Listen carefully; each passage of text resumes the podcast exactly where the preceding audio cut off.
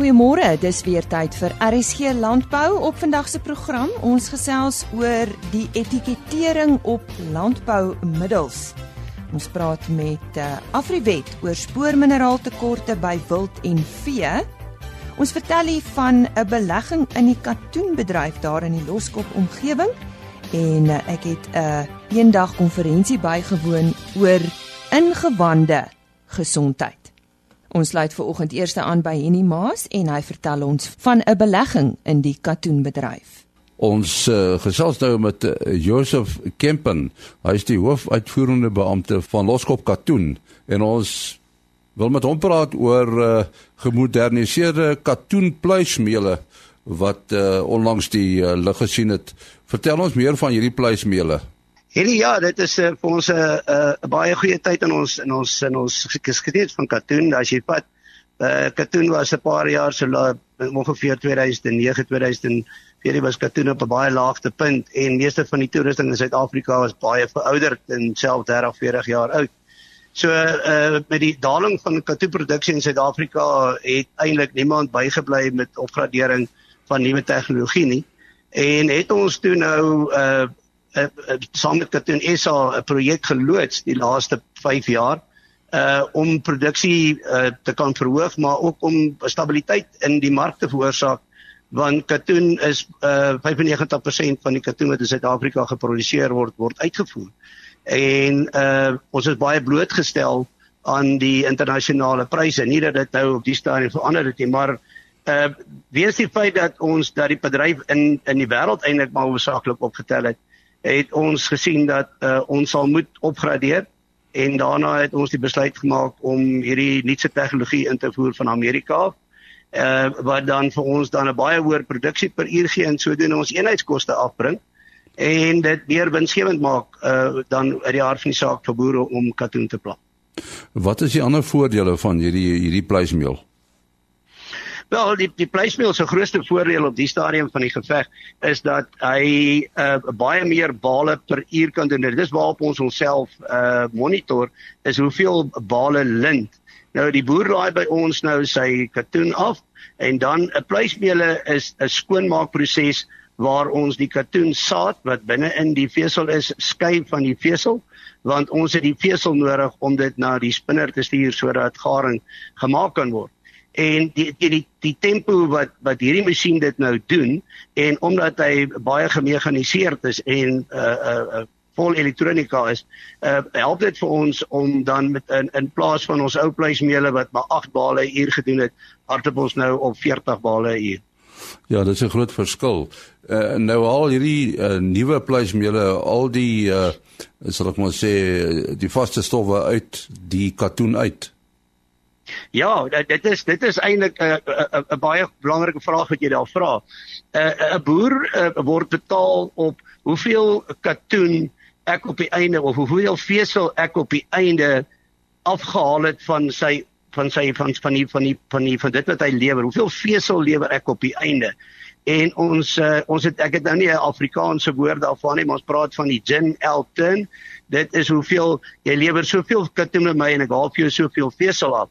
Nou as ons kyk na die ou masjiene wat ons gehad het, dan het ons hier afgehaal tussen 34 en 36% vesel op die einde afgehaal. Dit is eintlik maar waarvoor die boer betaal word. Hy kry wel geld vir die saad wat ons dan lewer aan aan vee voerkrale, maar daai lint is eintlik die belangrike gedeelte en waarmee die kwaliteit bepaal word en waarop hy eintlik maar sy geld kry.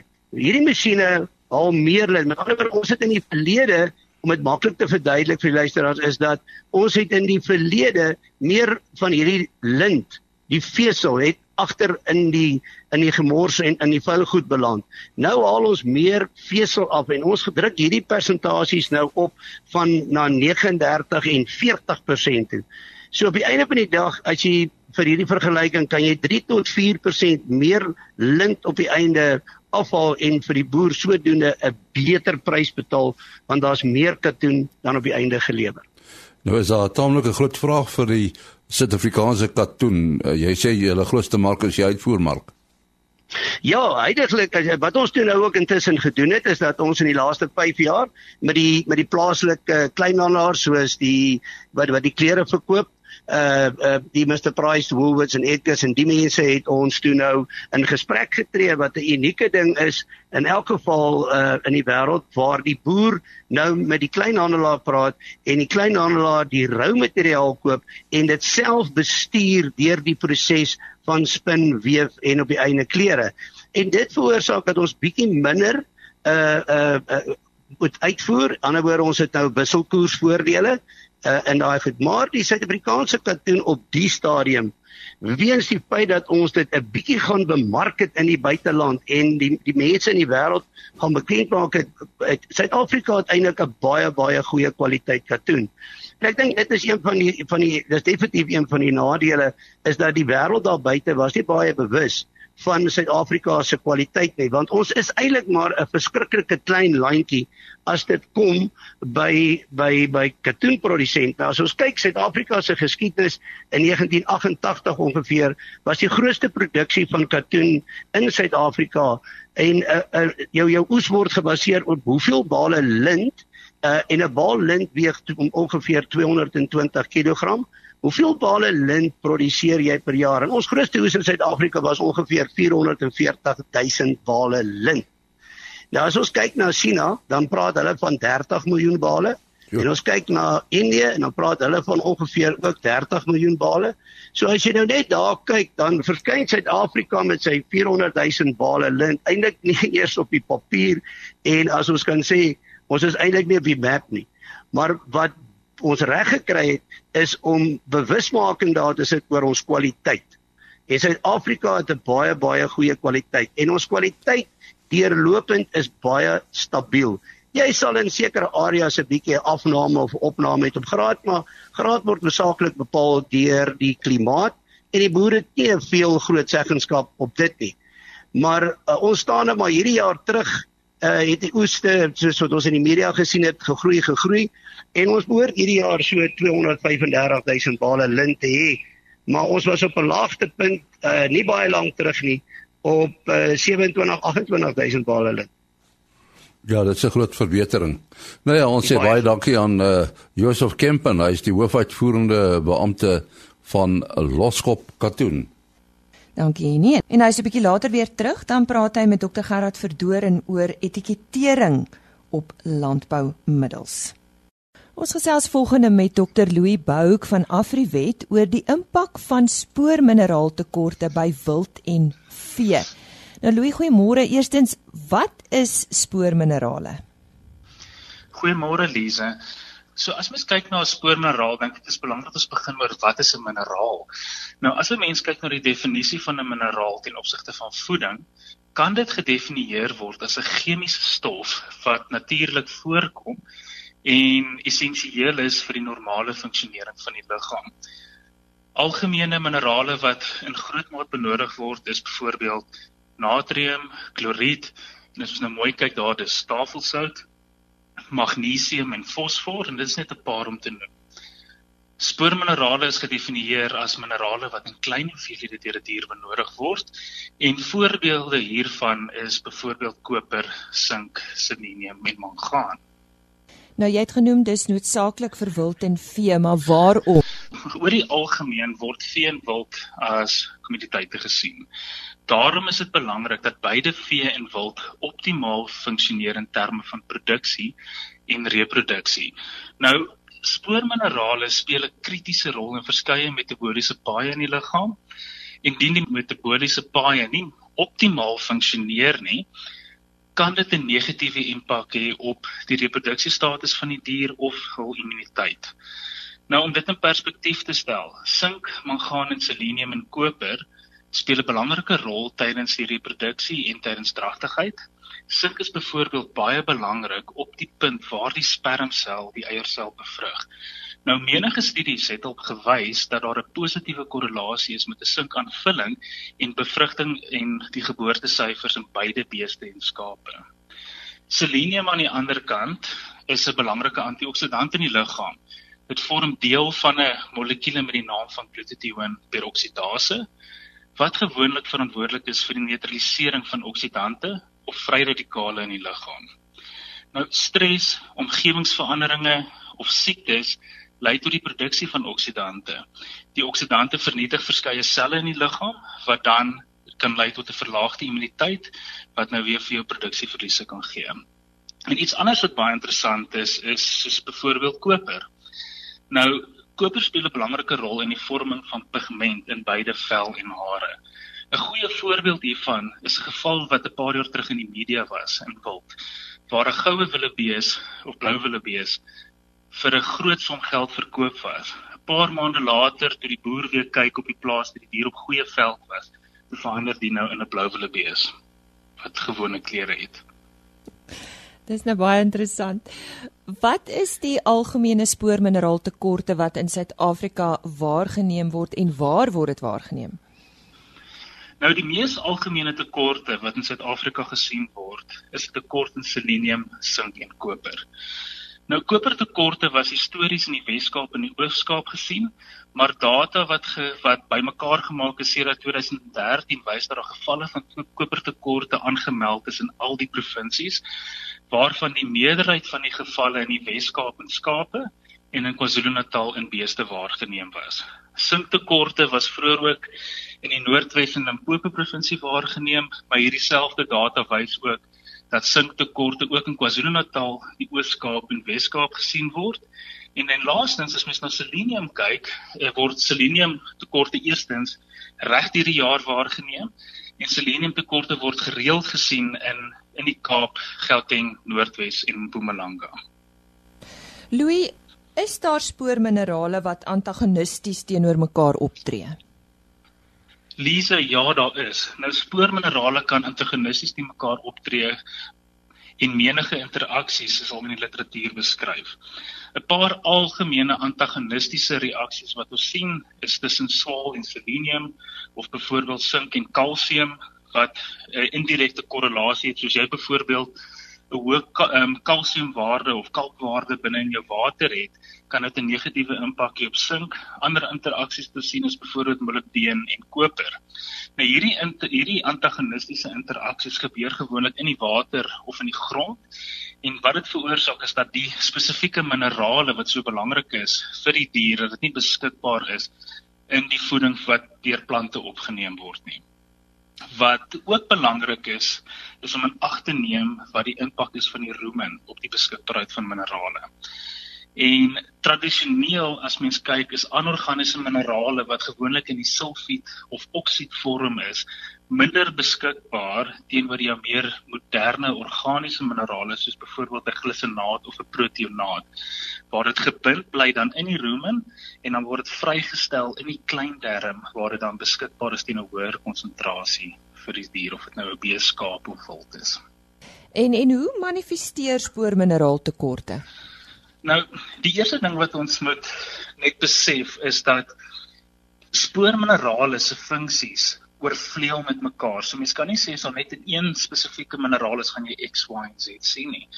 Nou, ehm um, as mens nou dink aan tipiese simptome van spoormineraaltekorte, is daar 'n paar goed wat mens kan sien. Byvoorbeeld in melkbeeste is 'n verhoogde somatiese seltelling. En in beeste en skape kan jy ook kry dat jy retensie van nageboorte het, fertiliteitsprobleme, sekere fertiliteitsprobleme wat jy kan sien is byvoorbeeld diere wat langer vat om puberteit te bereik of 'n verhoogde interkalfperiode. En dan soos ek genoem het pigmentasie, koper is 'n baie goeie voorbeeld waar 'n kopertekort pigmentasie probleme kan veroorsaak. En dan 'n ander ding is is soos byvoorbeeld sink. Indien 'n boer sukkel met vrottoetjie of dat die grond baie nat is, 'n sink aanvulling van waarde wees omdat sink 'n direkte impak het op die hardheid van die hoewe. En vir meer inligting as boere dalk uh, graag met julle wil kontak maak, wat is die beste Louis? Jong, die beste manier gaan wees om ons te skakel. Ehm um, is iemand met ons wil praat of meer inligting kry, is hulle welkom om ons te skakel op 012 817 9060 gedurende ehm um, besigheidsure hierdie week en ons sal ons met graag te help. Goed, herhaal net vir ons daai nommer. Dit is natuurlik Afriwet se nommer, né? Dit is inderdaad ons kantoornommer. Dit is dis 012 817 9060. En dit is dan die stem van Dr Louis Bouk van Afriwet en hy het met ons gesels oor die impak van spoormineraaltekorte by vee sowel as wild. Dr eh, Gerrit Verdoorn van CropLife Suid-Afrika het nie eintlik bekendstelling nodig nie en ons wil vanoggend 'n bietjie met hom gesels oor die etikettering van landboumiddels. Uh hoekom praat ons daaroor? Is daar 'n probleem? Uh daar's nie eintlik 'n probleem met die etikettering nie. Nie daar's hier en daar 'n paar vals etikette, maar die hooftema van die etikettering is dat mense moet verstaan dat die etiket is die enigste wetlike dokument of wettige dokument van 'n plaagdoder of so wat die wet hulle noem 'n landboumiddel. En daardie etiket word saamgestel na letterlik honderde miljoene rande se navorsing en moeite om te kyk na die toksikologie, die effektiwiteit, die formulasie, die um, giftigheid vir plante, die residue, die aamingsperiodes en 'n klomp ander goed. En die probleem kom dan in wanneer iemand die produk gebruik en hierdie etiket volg, dan is daar definitief komplikasies soos byvoorbeeld gewaskade of oneffektiewe beheer van die plantsiekte of die plantpes of die onkruid en residue wat buite die perke is en natuurlik vergiftiging van mense en omgewing. So die etiket is basies 'n wettige riglyn wat enige persoon wat die produk koop of aankoop moet volg om seker te maak dat hy doen dit op die regte manier. Nou die etikette is is hulle gebruikersvriendelik, maklik om te verstaan?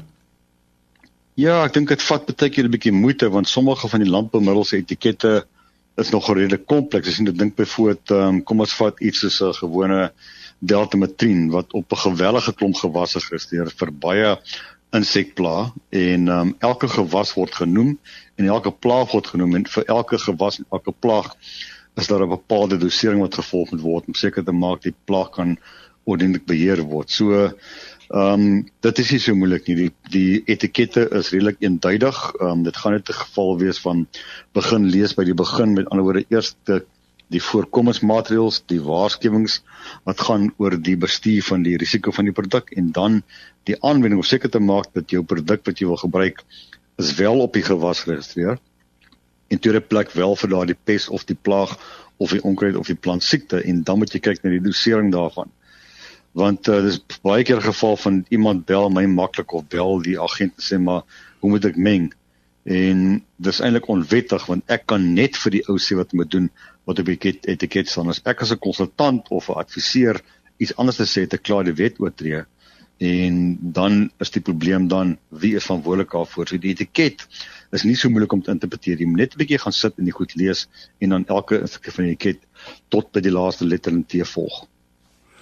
Ja, dit is natuurlik die die groot vraag, uh wie op die ouend moet die blame dra as daar skade is? Die wet is um redelik eenduidig in terme van regulasie 176 wat sê dat geen persoon mag die produk gebruik of verkoop op enige ander doeleinde of ander manier as wat die etiket sê nie. En dan as jy 'n bietjie dieper delf in die wet, dan is die woord verkoop is 'n baie breë term. Met ander woorde, verkoop beteken om te adviseer, om te promoveer of te vervoer of te verkoop of te gebruik of wat ook al. So as ek vir iemand iets aanbeveel, dan verkoop ek eintlik die produk. Met ander woorde, ek moet dit ons die produk se etiket aanbeveel. As iemand die produk vervoer na 'n boer toe om te gebruik op 'n landery, moet dit vervoer word in terme van wat daai etiket gaan sê in terme van die gewas en die pes en plaag of siekte of onkruid. As iemand die produk gebruik, moet hy ook daai produk gebruik ons wat etiket. So dit's so, geen wegkom kans vir enige persoon nie. En wanneer 'n produk buite etiket aanbeveel word of buite etiket verkoop word of gebruik word, is elke persoon wat daai ding oortree het is aanspreeklik in terme van die wet, nie net die boer nie. En dis baie keer 'n geval waar die konsultant of die agent sê vir boer maar probeer dit en dat in die etiket is nie. As daar gewaskork skade kom, is buite die ou wat die aanbeveling gemaak het en die produk verkoop het en die produk gespuit het, naamlik die boer homself, is almal aanspreeklik in terme van die wet. So niemand kan eintlik wegkom en sê maar ek het nie geweet nie. Ja, daar is natuurlik uh, ook die probleem dat uh, sommige boere self hulle middels meng en dan is daar eintlik geen sprake van 'n wetlike etiket nie, né? Ja, ek dink ehm um, die gevaar kom heeldikwels in met hierdie wat mense noem die tankmengsels, onwettige tankmengsels. Nou, ons verstaan dat die koste van aanwending is nog vir die boere kwessie want die diesel is deesdae buitensporig duur, maar dit help nie probeer 'n gewasbestuur met die insekbeheer en die onkruidbeheer en die swambeheer in jy meng sommer 4 of 5 produkte in 'n tank nie, maar daar is in die meeste gevalle is daar of sinergisme of antagonisme. Met ander woorde, sinergisme beteken dat die twee middels ehm um, se effektiwiteit is baie hoër as wat hulle op hulle eie sal wees of antagonisme beteken hulle werk mekaar teen. En dan kom die klagte en ja, maar jou produk het nie gewerk nie of my gewasse beskadig of die plant is gebrand. Nou wie is aanspreeklik? Die ou wat aanspreeklik is, is daardie persoon wat die goeders gemeng het en nie die etiket etiket gevolg het nie. Nou verstaan mooi, 'n klomp van die etikette, die meeste etikette het 'n aanbeveling van tankmengsel wat gemaak kan word, gemaak mag word of gemaak moet word. Kom ek gee 'n voorbeeld. Die sitrus swartvlek wat vir Suid-Afrika 'n enorme probleem is, word beheer met een van die strobilurines soos azoxystrobin, maar al die etikette sê vir jou moet hom meng met mancozeb of moet hom meng met 'n koperverbinding soos koperoxyklorid. Dis heeltemal totaal wettig.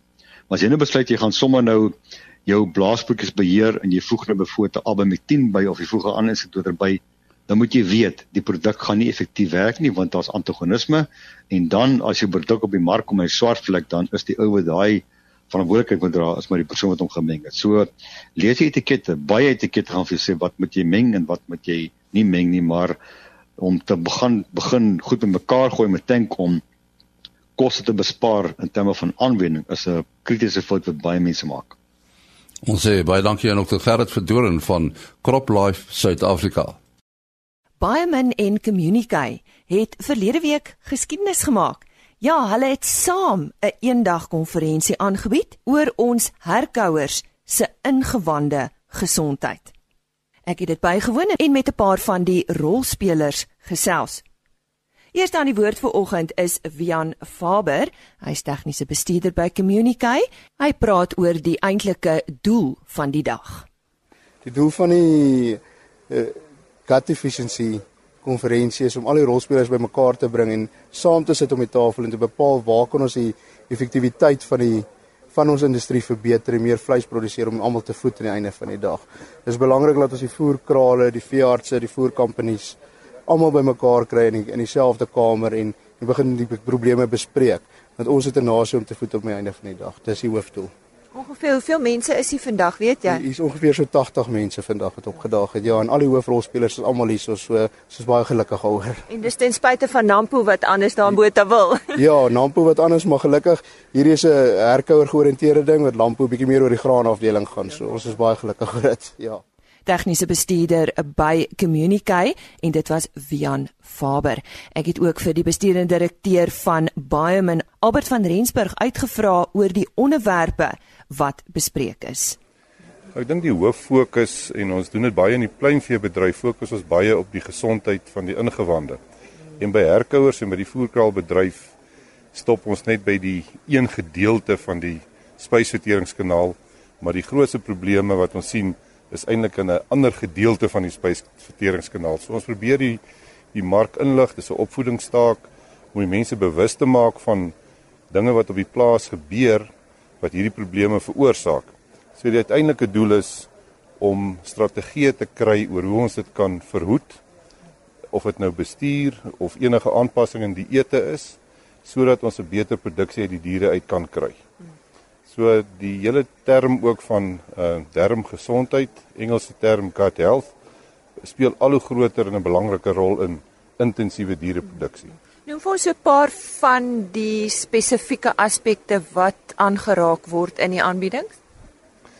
Ja, die eerste een is oor hoe uh, maak ons die ingewande wat maar die eerste lyn van ehm um, verdediging is hoe om te keer dat skadelike patogene bakterieë, toksine, gifstowwe die bloedstroom binnendring. En ek dink dit is vandag se doel is hoe maak ons daardie verdedigingsmeganismes skerp om te verhoed dat diere siek word, diere se produksie benadeel word in die voerkrale spesifiek vandag. Dit was aan Albert van Rensburg van Biomin. Een van die sprekers was professor Lance Baumgart van Iowa State University in die Verenigde State van Amerika. Hy het gesels oor die oorsake van ingewande of 'n darm wat lek en wat ook verstaan word onder 'n lekkende ingewande. Yeah, I, I, think we're understanding better now that essentially all stressors can negatively affect the barrier of the gut and cause leaky gut. So, and many of those stressors are on common on-farm you know situations, not only in dairy but in beef and in chickens and pig farms. So, if we talk about a leaky gut, for those of our listeners that don't know exactly what it is, just mm-hmm. define that for us. Well, you could probably ask 10 different gastroenterologists what leaky gut means, and you're likely to get 10 different answers. So essentially, what it means is that uh, unwanted molecules that are inside your gut infiltrate through the barrier of your intestine and stimulate an immune response. That's, in, in short, what it means. A large part of the feedback you gave us was on heat stress, and I think in South Africa, with our unbelievable humidity in some areas as well as heat, that's a real problem. Yeah, no, definitely. Heat stress is a hurdle to profitability. To probably every dairy or farmer, uh, beef farmer, not only in South Africa but pretty much all over the world. Right, it is a huge constraint to profitability. Yeah. Heat stress animals consume less feed. That's part of the problem. About 50% of the problem. The other 50% is this heat stress induced leaky gut. And that leaky gut is caused by a variety of issues, reduced blood flow to the gut, and we're also starting to understand that emotional stress, psychological stress, causes uh, leaky gut problems, and probably everyone in, on your radio show has a familiarity with that, right? When you get anxious or nervous, you start feeling it, it, trans, it manifests itself into gut problems, whether or not it's diarrhea or vomiting or knots or butterflies in your tummy, something like that. Professor Lance Baumgart van Iowa State University in die VSA wat uh, hittestres as een van die oorsake geïdentifiseer het wat bydra tot 'n ongesonde ingewande. En hy was een van die sprekers by 'n een eendag konferensie wat aangebied is deur Biomin en Communicate. Onthou môreoggend weer so te maak net so skuins na 05:30 dan is dit weer tyd vir RSG landbou. Totsiens. RSG landbou is 'n produksie van Plaas Media. Produksieregisseur Henny Maas. Aanbieding Lisa Roberts. En inhoudskoördineerder Jolandi Root.